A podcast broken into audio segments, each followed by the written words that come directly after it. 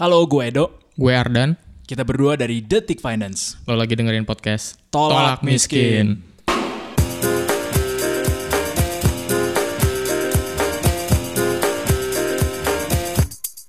Jadi ceritanya Detik Finance lagi punya usaha baru. Kalau biasanya kita kasih ke pembaca itu bentuknya tulisan, sekarang kita punya produk baru yang berupa audio. Eh, podcast ya, podcast kayak bis- biar orang-orang tuh bisa denger sambil di mobil, di busway, Transjakarta, di kereta tanpa harus membaca gitu. Benar. Jadi eh, pendengar setia Detikcom eh, dan juga pendengar setia Detik Finance, sekarang kita punya pendengar. Kalau sebelumnya kita cuma menyebut Pembaca doang. pembaca doang, sekarang kita punya pendengar. Dan pendengar Detik Finance, eh, lucky you karena pertama kali mendengarkan det- eh, podcast dari Detik Finance dan kali ini kita akan ngobrol seputar isu yang lagi banyak banget dibaca sama pembaca kita. By the way, kita mau kenalan dulu. Nama gue Eduardo. Kalau lu pernah eh, baca artikel di Detik Finance yang namanya Eduardo Simorakir, inilah suara saya. Eh, di sini gue nemenin Edo, Ardan, Ardan Adi Chandra. Kalau mau tahu, Hah? gue nulis-nulis juga sih di Detik, Detik Finance, Ekonomi. Mudah-mudahan sih pembacanya Detik Finance nggak kabur ya deng- setelah dengerin kita eh, dari audio eh, berupa podcast ini. By the way, eh, pembaca Detik Finance kita asiknya eh, nyebutnya apa ya? Detik Lovers, Detik Financers atau apa ya? Detikers kali ya, Detikers kali ya. Dear Detikers Detikers. ya, mewakili seluruh pembaca Detik. By the way, kita mau ngobrolin soal eh, pemutusan hubungan kerja. Kalau baca Detik Finance dalam beberapa hari terakhir atau seminggu terakhir, itu ada satu berita yang paling banyak dibaca oleh pembaca kita, yaitu soal PHK, badai PHK. Sebenarnya sih PHK tuh eh, berlangsung sudah beberapa bulan atau mungkin dalam satu dua tahun terakhir ya Udah udah mulai rame sih beberapa tahun mulai ramai ini. satu dua tahun belakangan ini semenjak pertama kali itu ada isu ketidakpastian global setelah Global. pokoknya setelah ada ketidakpastian mulai dari terpilihnya presiden Donald Trump, Trump. sebagai presiden Amerika terus ada perang dagang Amerika Cina terus apalagi ya Eh, Corona belakangan juga kan. Corona juga yang paling hangat sekarang ini, lalu eh, isu-isu global lainnya, geopolitik global yang lainnya, dan sekarang ini ini kayak bom waktu jadinya. Jadi setelah kemarin eh, beberapa beberapa bulan terakhir dan juga satu dua tahun terakhir tuh ada eh, PHK dari eh, beberapa perusahaan besar dan sekarang makin banyak perusahaan-perusahaan yang eh, melakukan PHK terhadap eh, karyawannya. Tapi sebenarnya PHK tuh penyebabnya apa sih? Kalau kalau menurut lo? PHK. Jadi eh, kalau kata orang-orang sih, orang-orang bijak ya, eh, orang-orang bijak dalam bidang ekonomi, PHK yang ada sekarang tuh karena ekonomi bisa jadi karena ekonomi yang lagi mencoba untuk menyeimbangkan dengan kondisi yang ada saat ini. Artinya ada beberapa perubahan dalam bidang ekonomi sehingga eh, perusahaan-perusahaan eh, ada ada perubahan dalam skala eh, ada perubahan dalam situasi ekonomi sehingga perusahaan-perusahaan ini terpaksa untuk melakukan efisiensi berupa perampingan, restrukturisasi lah alasannya supaya mereka bisa ikut eh, sejalan sama yang namanya ekonomi yang sedang terjadi sekarang.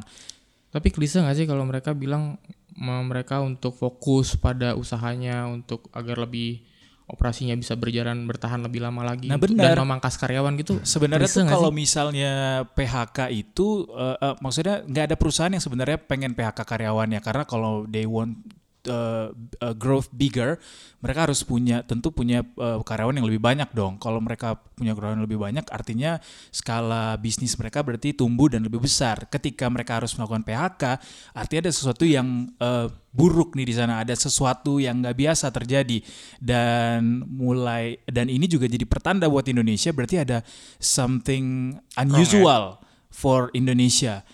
Eh, terutama di bidang ekonomi karena pasti PHK ini eh, kaitannya erat dengan bidang ekonomi ya. Tapi bisa dibilang juga nggak sih dengan adanya PHK ini, misalkan beberapa industri kan telco, industri oto, bahkan bank juga sempet sih ada berita soal PHK. Apa mereka kalah saing gitu dengan pesaingnya atau gimana sih sebenarnya? Menurut pandangan lo dok? Eh, bisa, bisa, Eh, bisa dibilang kalah saing juga, bisa juga karena memang ya persaingan itu yang membuat mereka harus merubah taktisnya. Eh, kalau kita bisa lihat nih ya faktanya dari catatan yang udah kita kumpulin nih detikers, Indonesia tuh mulai dihantam badai PHK dalam setahun dua tahun terakhir ini. Banyak perusahaan yang sudah melakukan PHK. Uh, nanti kita bakal kasih perusahaan-perusahaan apa aja. Uh, dan perusahaan-perusahaan ini tuh bergerak nggak cuma di satu sektor. Bahayanya seperti itu karena mereka melingkupi banyak sektor yang artinya uh, ketidakmerataan. Eh bukan, bukan ketidakmerataan. Uh, koreksi di bidang ekonomi itu terjadi dalam uh, dalam skala yang merata di hampir di semua sektor mulai dari perusahaan baja, manufaktur, telekomunikasi sampai startup yang sudah jadi unicorn pun bisa lakukan PHK besar-besaran. Jadi bisa dibilang intinya dari semua sektor yang ada industri di Indonesia hmm. atau bahkan di negara lain juga nggak ada yang aman gitu dari ancaman gelombang PHK ini sendiri ya. Maksudnya mau lo kerja di perusahaan telco kayak mau lo kerja di otomotif atau lo kerja di startup yang gajinya bisa dibilang berkali-kali lipat dibanding uh, di sektor lain ancaman itu bakal tetap terus menghantui exactly, lo. Exactly, exactly. Setiap hari adalah ancaman pasti dan makanya perusahaan tuh harus uh, punya strategi supaya dia bisa tetap terus uh, jalan beriringan dengan uh, ekonomi uh, bukan jalan beriringan supaya perusahaan itu bisa tetap, tetap terus eksis walaupun ekonominya lagi goyang gitu loh. Ya salah satunya dengan restrukturisasi tadi. By the way kita sebutin dulu nih perusahaan-perusahaan yang sudah melakukan PHK dalam setahun terakhir tuh ini nama-namanya perusahaan besar sih, perusahaan kakap dan uh, lumayan mengejutkan beberapa di antaranya. Yang pertama adalah Indosat. Ini perusahaan yang paling muntakhir atau pamungkas atau terakhir yang melakukan PHK Uh, perusahaan ini katanya sih melakukan penawaran PHK kepada karyawannya itu sampai 677 karyawan yang ditawarin buat PHK.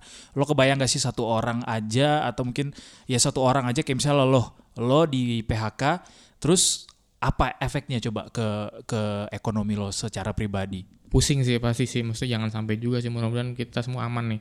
Tapi kalau satu orang kena PHK kan dia tulang punggung keluarga ya, maksudnya exactly. terlepas dia itu sebagai cowok atau cewek pria atau wanita kan mereka ada tanggung jawab untuk keluarga mereka yeah. sendiri. Artinya ada, dia ada kehilangan satu sumber pertumbuhan Betul. ekonominya, right?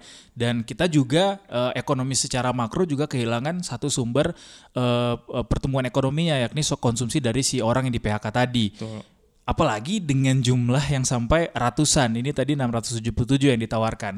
Lalu ada lagi Bukalapak kalau buka lapak sendiri kita tahu dia sempat jadi unicorn ya startup unicorn. Iya iya unicorn ini dan mengejutkan juga ya mengejutkan ya kemarin mungkin, waktu akhirnya kita ketahui uh, kaget juga sih.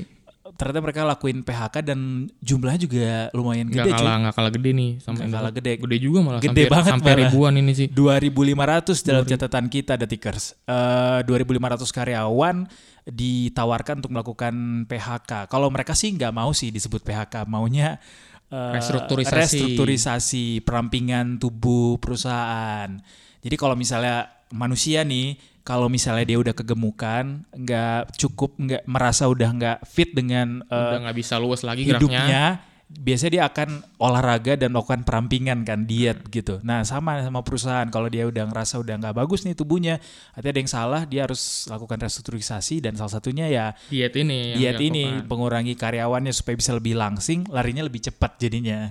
Bukan bermaksud untuk mengatakan orang-orang yang dengan bertubuh lebih lebih itu tidak bisa lari lebih cepat, tapi ya begitu analoginya kayak gitu. Kurang lebih. Ya benar. Lalu ada Net TV juga Detikers. Uh, sebelumnya sih sudah berhembus kabar kalau Net TV ini memang akan melakukan PHK ya sebelum mereka akhirnya kita ketahuan bahwa ada PHK di situ ada tawaran PHK.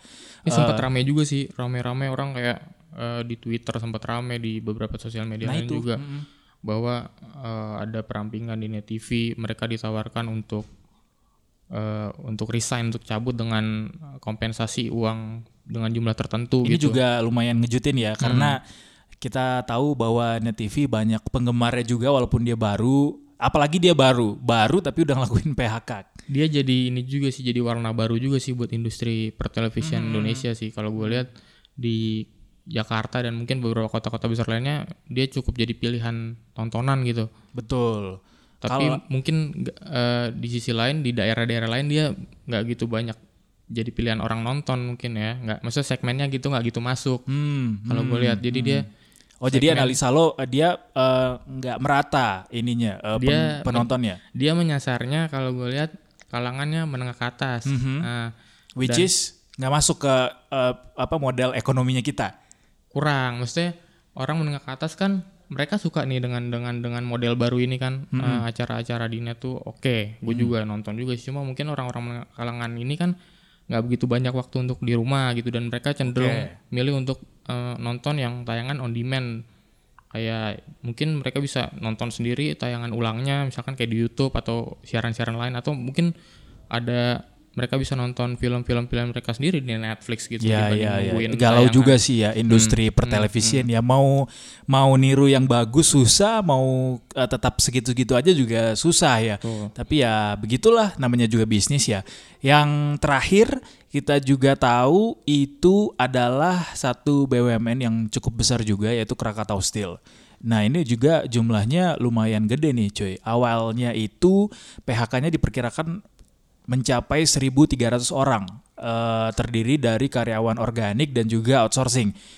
Eh, ini juga katanya buat restrukturisasi. Lagi-lagi alasannya restrukturisasi. katanya sih mereka nih melakukan restru- restrukturisasi karena uh, serangan baja impor. Jadi baja impor dari Cina nih banyak banget yang membanjiri Indonesia. Jadi mereka yang memproduksi baja juga Hmm, hmm. uh, bisa Tertekan dibilang bisnisnya. kalah lah, kalah Hmm, gitu ya. kalah saing. kutip. karena uh, baja-baja dari Cina ini lebih murah, sedangkan baja dari Krakatau Steel harganya kurang kompetitif gitu di pasar. Jadi Hmm, Tapi akhirnya baja impor tuh udah lama kan? Maksudnya lama sih. kita jadi ini kayak bom waktu gitu ya. Iya. Dan sementara kita nggak ada action buat lebih eh, bisa eh, mengandalkan pasokan dari dalam negeri. tuh Sehingga akhirnya ya PHK lagi PHK lagi akhirnya eh, karyawan yang dikorbankan. korban. Tapi ya mungkin ini bukan pilihan perusahaan juga ya karena mungkin ini pilihan untuk mengurangi sebagian dan tetap menjalankan perusahaan dengan jumlah karyawan yang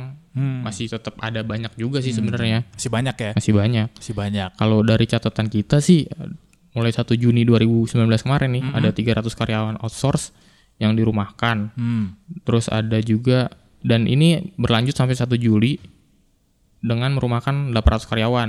Ini juga sempat apa ya menimbulkan uh, protes juga sih dari mereka-mereka yang udah bertahun-tahun menggantungkan hidupnya di industri baja di Cilegon ini kan. Hmm, hmm, hmm. Protes mereka.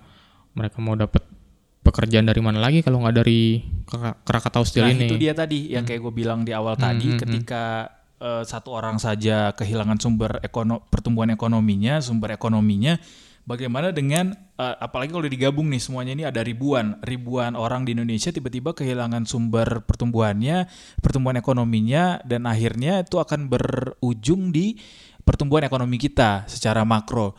Eh Kalau pendapatan mereka hilang nih kan potensinya mereka hilang Benar. kehilangan pendapatan. Pasti yang ditahan pertama kali itu konsumsi. konsumsi. Konsumsi ditahan Yang biasanya- berarti pertumbuhan ekonomi bisa kontraksi tuh, Bos. Serius banget ya kita ya. Iya, iya, iya. Tapi benar, eh, detikers kalau misalnya eh, kita kehilangan sumber pencarian atau paling enggak da- eh, kita kehilangan sumber pendapatan, pasti ada ha- akhirnya konsumsi-konsumsi yang harus kita tahan. Misalnya dari yang tadinya makannya tiga kali sehari jadi dua kali sehari, Oh. ada yang biasanya beli baju sebulan sekali jadi tiga bulan sekali, dan segala macam lainnya.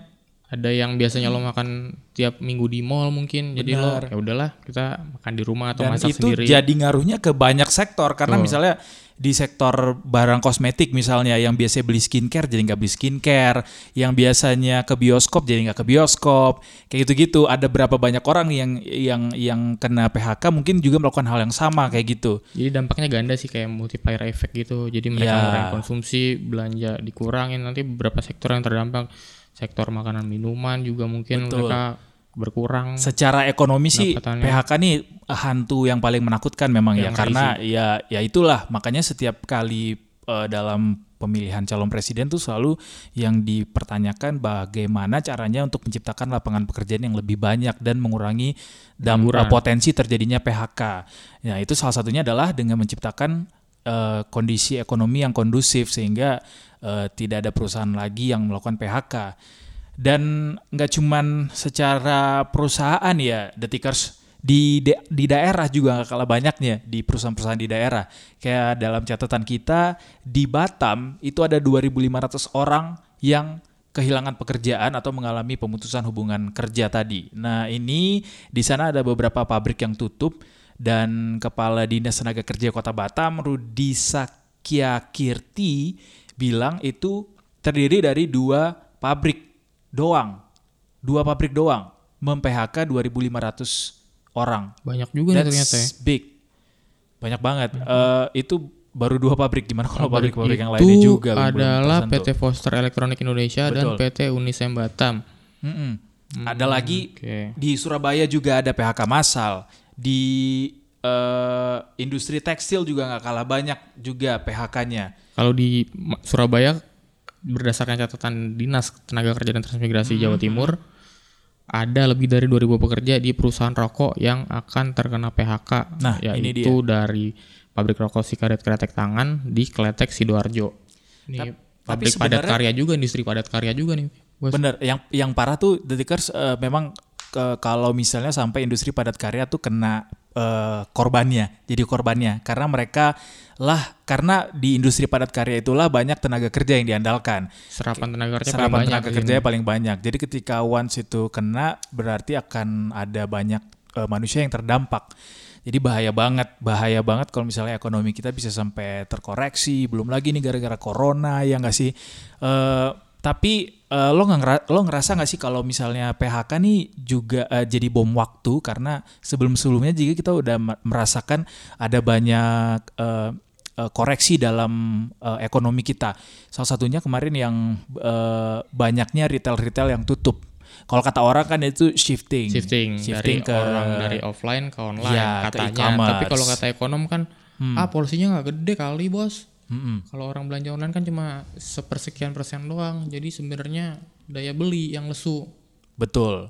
Itu bisa jadi bet- benar juga. bisa juga. Bisa jadi karena online, bisa jadi daya beli yang lesu, tapi mana yang lebih besar? Atau bisa juga mereka nggak lagi belanja nih orang-orang Hmm. begitu gajian ah gue makan beli boba makan steak Ya, pamer lebih banyak ininya ya, Mungkin lebih banyak pengaruh-pengaruh va- va- variabelnya lebih banyak variabelnya lebih ya. banyak karena mungkin orang ah udah mendingan gue makan bisa ngumpul sama teman-teman bisa pamer di sosmed Hmm. dibanding mereka belanja belanja belanja baju atau uh, produk-produk lain yang mungkin kepuasannya nggak sebegitu gede juga ya dibanding iya, orang iya, iya. makan dan bisa dengan pamer di sosmed model belanja dan konsumsi yang seperti itu dengan model uh, spending yang seperti itu pada akhirnya bom waktu ketika terjadi PHK kita nggak punya saving uh, dan terjadi PHK akhirnya kita mau dapat sumber pertumbuhan dari mana ketika global juga lagi lesu-lesunya kayak gini ya kan?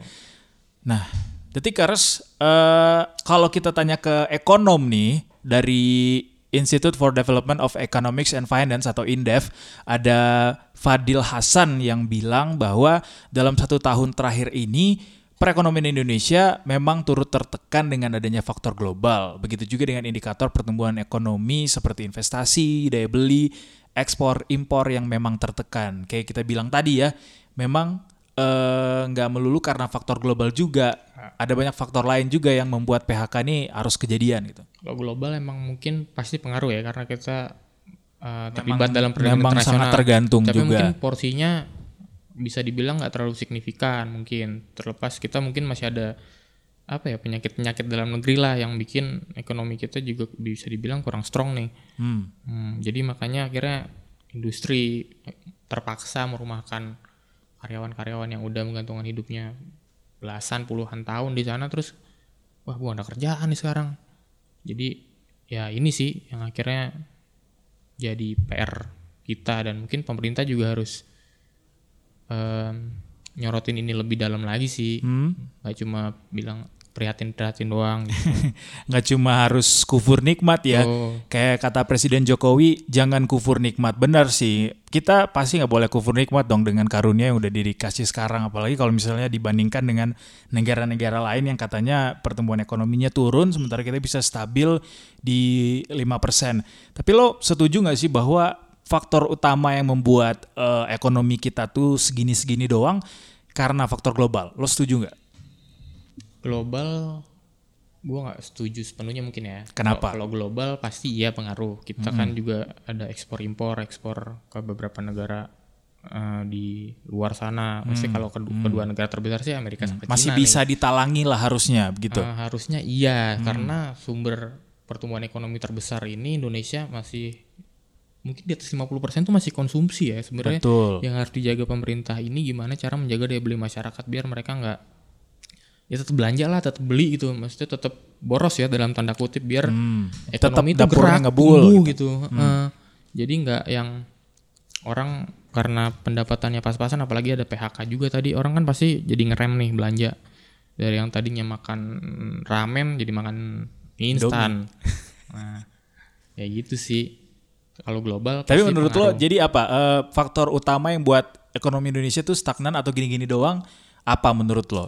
global pengaruh tapi gua nggak tahu persisnya persisnya tapi nggak begitu banyak ya mungkin ya karena kita kan juga eh, 50% setengah, lebih dari setengah itu masih menggantungkan komposisi pertumbuhan ekonomi dari konsumsi berarti Betul, harus jaga betul. daya beli daya beli itu berarti Daya orang beli penghasilan penghasilan. penghasilan Investasi orang, da- dong. orang dapat penghasilan itu dari kerjaan mereka harus bekerja untuk dap- mendapatkan penghasilan mereka untuk bekerja itu kan harus ada lapangan Ya. kerja nih Lapangan kerja dari Lapangan investasi kerja yang dari hasil. investasi. yang kalau ada orang investasi nih bangun pabrik nyerap tenaga kerja tuh bisa tuh daya beli tuh Hmm. nah makanya ini yang harus digenjot juga investasi juga sih yang belakangan Ujung-ujungnya larinya ke perizinan. Perizinan. Perizinan orang bangun pabrik, perizinan orang bangun buka usaha, usaha berbisnis, kantor segala macam mulai dari UMKM sampai perusahaan kelas kakap juga harus dipermudah ya. mudah jadi jangan ada lagi lah pungutan-pungutan yang Ya. di luar nggak jelas tuh sering Makanya sekarang tuh Detikers eh, pemerintah lagi godok eh, dan DPR juga lagi do- godok rancangan undang-undang cipta kerja dengan omnibus law yang harapannya bisa mempermudah eh, orang berusaha, mempermudah orang berusaha, mempermudah investasi sehingga investasi kita tuh bisa tumbuh jauh lebih tinggi daripada yang selama ini ada. Mudah-mudahan. Mudah-mudahan sih eh, sambil kita kawal bersama-sama juga segala aturan yang ada di dalamnya tidak mengurangi hak-hak kita dalam bekerja, hak-hak kita sebagai seorang karyawan, hak-hak kita sebagai seorang buruh. Juga lagi-lagi kata ekonom tadi, selain itu ada perubahan model bisnis di pesatnya perkembangan digital juga jadi faktor banyaknya perusahaan yang melakukan PHK demi menjaga keseimbangan perusahaan. Salah satunya eh, unicorn tadi, Betul, eh, Bukalapak tadi. Eh, kita kan selalu mengagungkan yang namanya startup, digital startup, unicorn, apalagi udah sampai Keren jadi gitu unicorn kan. kayaknya. Karena eh, dianggapnya apalagi mereka masih bakar-bakar duit kan. Eh, Hmm. Ketika mereka melakukan PHK, ini jadi pertanyaan, wah eh, atau memang ini adalah eh, bom waktu yang sudah kita sangka-sangka namun karena mereka bakar uang. tidak kita duga-duga waktunya, itu bisa kita duga waktunya. Eh, jadi eh, karena perubahan model bisnis tadi katanya mengikuti perkembangan digital, karena kan kita tahu digital nih eh, tiap hari tuh ada aja yang berubah, strateginya pasti beda-beda setiap hari, setiap bulan, setiap tahun pasti berganti, lebih cepat perkembangannya daripada model-model bisnis yang lain, sehingga mereka tuh harus bisa cepat ngikutin ngikutin perubahan zaman tuh harus cepat. Salah satunya ya itu tadi PHK tuh bisa tiba-tiba aja kejadian gitu. dan kalau menurut gua sih mereka-mereka ini startup dan mungkin perusahaan-perusahaan yang udah settle gitu ya. Hmm. juga harus mikir juga sih mulai mikirin juga nih biar bagaimana usaha yang mereka jalankan ini tuh bisa eh, berkelanjutan gitu jangka panjang ya kan. Jadi nanti nggak berujung sama PHK karena yang kena dampak ribuan orang bos Ya itu juga salah satu PR pemerintah sih biar eh, mereka tuh harus bisa atur ekosistem startup di Indonesia tuh biar bisa tetap sustain gitu, nggak cuma sekedar bikin startup terus eh, berapa lama kemudian PHK tutup. nggak cuma dikenal banyak doang nggak cuma dikenal wah startup ini nih gue pakai Mm-mm. produknya nih atau gue pakai jasanya nih karena lebih murah nih karena produknya keren-keren nih. Dan akhirnya ya ujung-ujungnya ya lo nggak bakal ada lagi gitu cuma Pun bertahan tapi, beberapa eh, tahun doang nggak bisa sepenuhnya bergantung ke startup dan pemerintah juga sih. Kita sebagai karyawan, pekerja, sumber daya manusia juga tetap harus waspada. Eh, senangnya bahwa eh, saat ini pemerintah sudah memikirkan itu dengan cara eh, dengan melakukan satu program yang katanya kartu prakerja ya, belum Oh, ya. tapi belum digulirkan. katanya itu gue lupa persisnya sih. Hmm. Tonton inilah. tahun ini tapi program kartu prakerja tuh bagus banget kalau ngelihat konsepnya karena di situ kita bisa dilatih lagi skillnya diciptakan skill baru di upgrade skillnya lalu jadi orang yang sesuai dengan eh, yang Keahlian dibutuhkan oleh lo, industri. dan itu bagus banget karena selama ini kita tahu bahwa orang banyak banget yang kerja tidak sesuai sama bidangnya Betul. Jadi misal kalau berdasarkan data BP sih yang mereka yang nganggur atau nggak dapat belum belum ada kerjaan ini karena hmm. Nggak sesuai bidang keahliannya dengan yang dibutuhkan industri. Iya. Jadi ada mismatch gitu. Benar. Pasti banyak banget yang bisa uh, relate sama hal tersebut karena ada banyak sekali sumber daya manusia di Indonesia ini yang bekerja tidak sesuai dengan bidang akademisnya misalnya. Nah kalau mereka kerja nggak sesuai dengan bidang akademisnya itu sih Tapi sebenarnya itu juga nggak salah sih. ya nggak masalah asal mereka bisa Bisa tetap, tetap uh, upgrade skillnya. Oke, ya. Bisa tetap uh, karena kebutuhan di masa depan tuh akan jauh berbeda dengan yang saat ini gitu loh. pasti Sehingga pasti jauh banget sih sehingga harus benar-benar disiapin apalagi kalau memang mau memenuhi visi Indonesia di 2045 100 tahun umur Indonesia jadi Indonesia negara, dengan maju bukan Indonesia negara maju, Maju. dengan ekonomi terbesar keempat di dunia walaupun sekarang kita juga udah Amin. dibilang jadi negara maju ya sama Amerika sama Amerika di Doang. dalam perdagangan internasional. Nah, buat detikers, kita tadi kan sudah eh, kasih fakta bagaimana PHK sekarang menyelimuti ekonomi Indonesia. Lalu kalau misalnya kena PHK, lalu bisa apa? Gitu loh. Kalau dari Bisa apa, perencana keuangan nih dari Hmm. Advisors Alliance Group Indonesia Andi Nugroho bilang, yang pertama kali nih kalau lo kena PHK, lo cek dulu deh daftar aset dan uang lo tuh berapa gitu lo ulang nih. Misalkan Hmm. lo udah total selama bekerja sini tiba-tiba amit-amit lo kena PHK nih jebret. Waduh gila gimana ya gue? Nah kalau kena PHK nih lo hitung lagi nih posisi keuangan lo tuh ada di mana. Maksudnya kan kita udah tahu nih kita bakal dapat pesangonnya berapa nih kira-kira. Biasanya beberapa kali gaji gitu sih. Hmm, hmm, hmm, hmm. terus digabungin dengan kondisi saat ini itu punya cash dan aset berapa aja. Terus dirinciin tuh. Mulai dari rumah deposito logam mulia semuanya. Dan aset-aset lo yang lain tuh lo Semoga juga ada ya beneran ya investasi. Makanya investasi itu juga perlu Detikers Eh, karena lo nggak pernah tahu lo bakal seperti apa nanti ke depannya, termasuk eh, memitigasi risiko-risiko kayak PHK ini. Hmm. Nah, tapi habis itu nggak lo nggak cukup doang tuh cuma menghitung aset sama duit Hmm. kas lo doang, duit tunai lo doang. Habis itu ternyata lo siapa tahu masih punya cicilan rumah, Oh cicilan iya benar mobil, benar benar benar. cicilan di bank dan biaya hidup ke Apalagi depan. kalau yang kena PHK tuh udah berkeluarga ya. Nah, cicilan keluarga ke depan kan itu masih terus harus berjalan kan. betul betul. Mereka nggak mau tahu lo kena asap PHK harus tetap ngebul. Nah, itu sih itu harus ditambah lagi sama pengeluaran sehari-hari selama sebulan tuh pengeluaran makan misalkan terus pengeluaran lo kebutuhan eh, sehari-hari selain makan gitu tuh harus dihitung juga tuh biar Iya. lo bisa tahu ah harus bisa direm di mana. Itu itu jadi catatan banget Hmm. sih buat milenial sekarang yang mungkin banyak yang nggak punya tabungan atau nggak Hmm. mikirin tabungan, nggak mikirin investasi atau mungkin sudah banyak juga tapi ada banyak juga di antaranya yang melakukan hal demikian karena eh, lebih banyak spendingnya buat konsumsi seperti liburan, makan, nonton dan segala macam hal-hal yang bersifat tersier gitu. Kalau kata Pak Katib Basri ini dulu pernah denger nih mereka yang biasa Halo Pak Katip.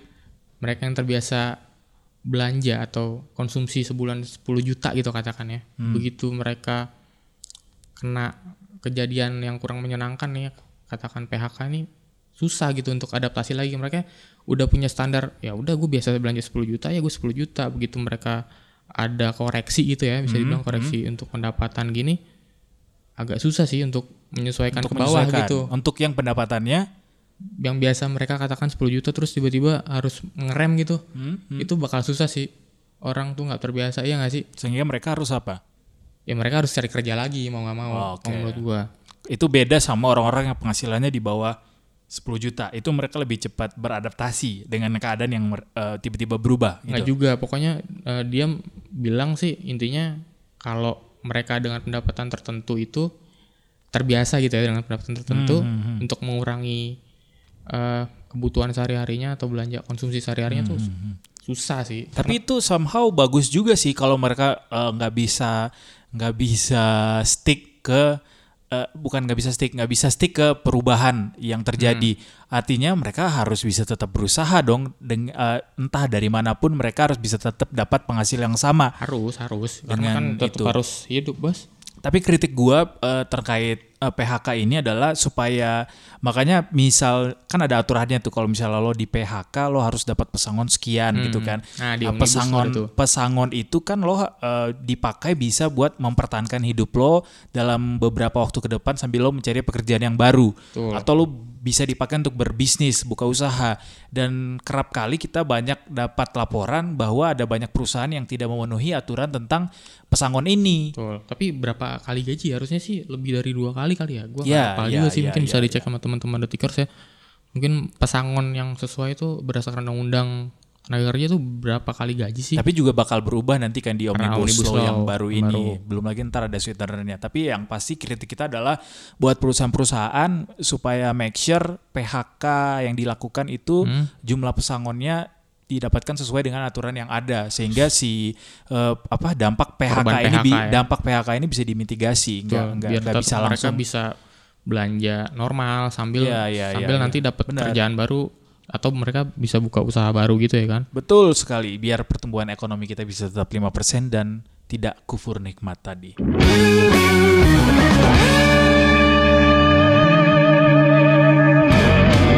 Jangan lupa dengerin podcast-podcast Detik Finance berikutnya Di podcast Tolak Miskin. Detikcom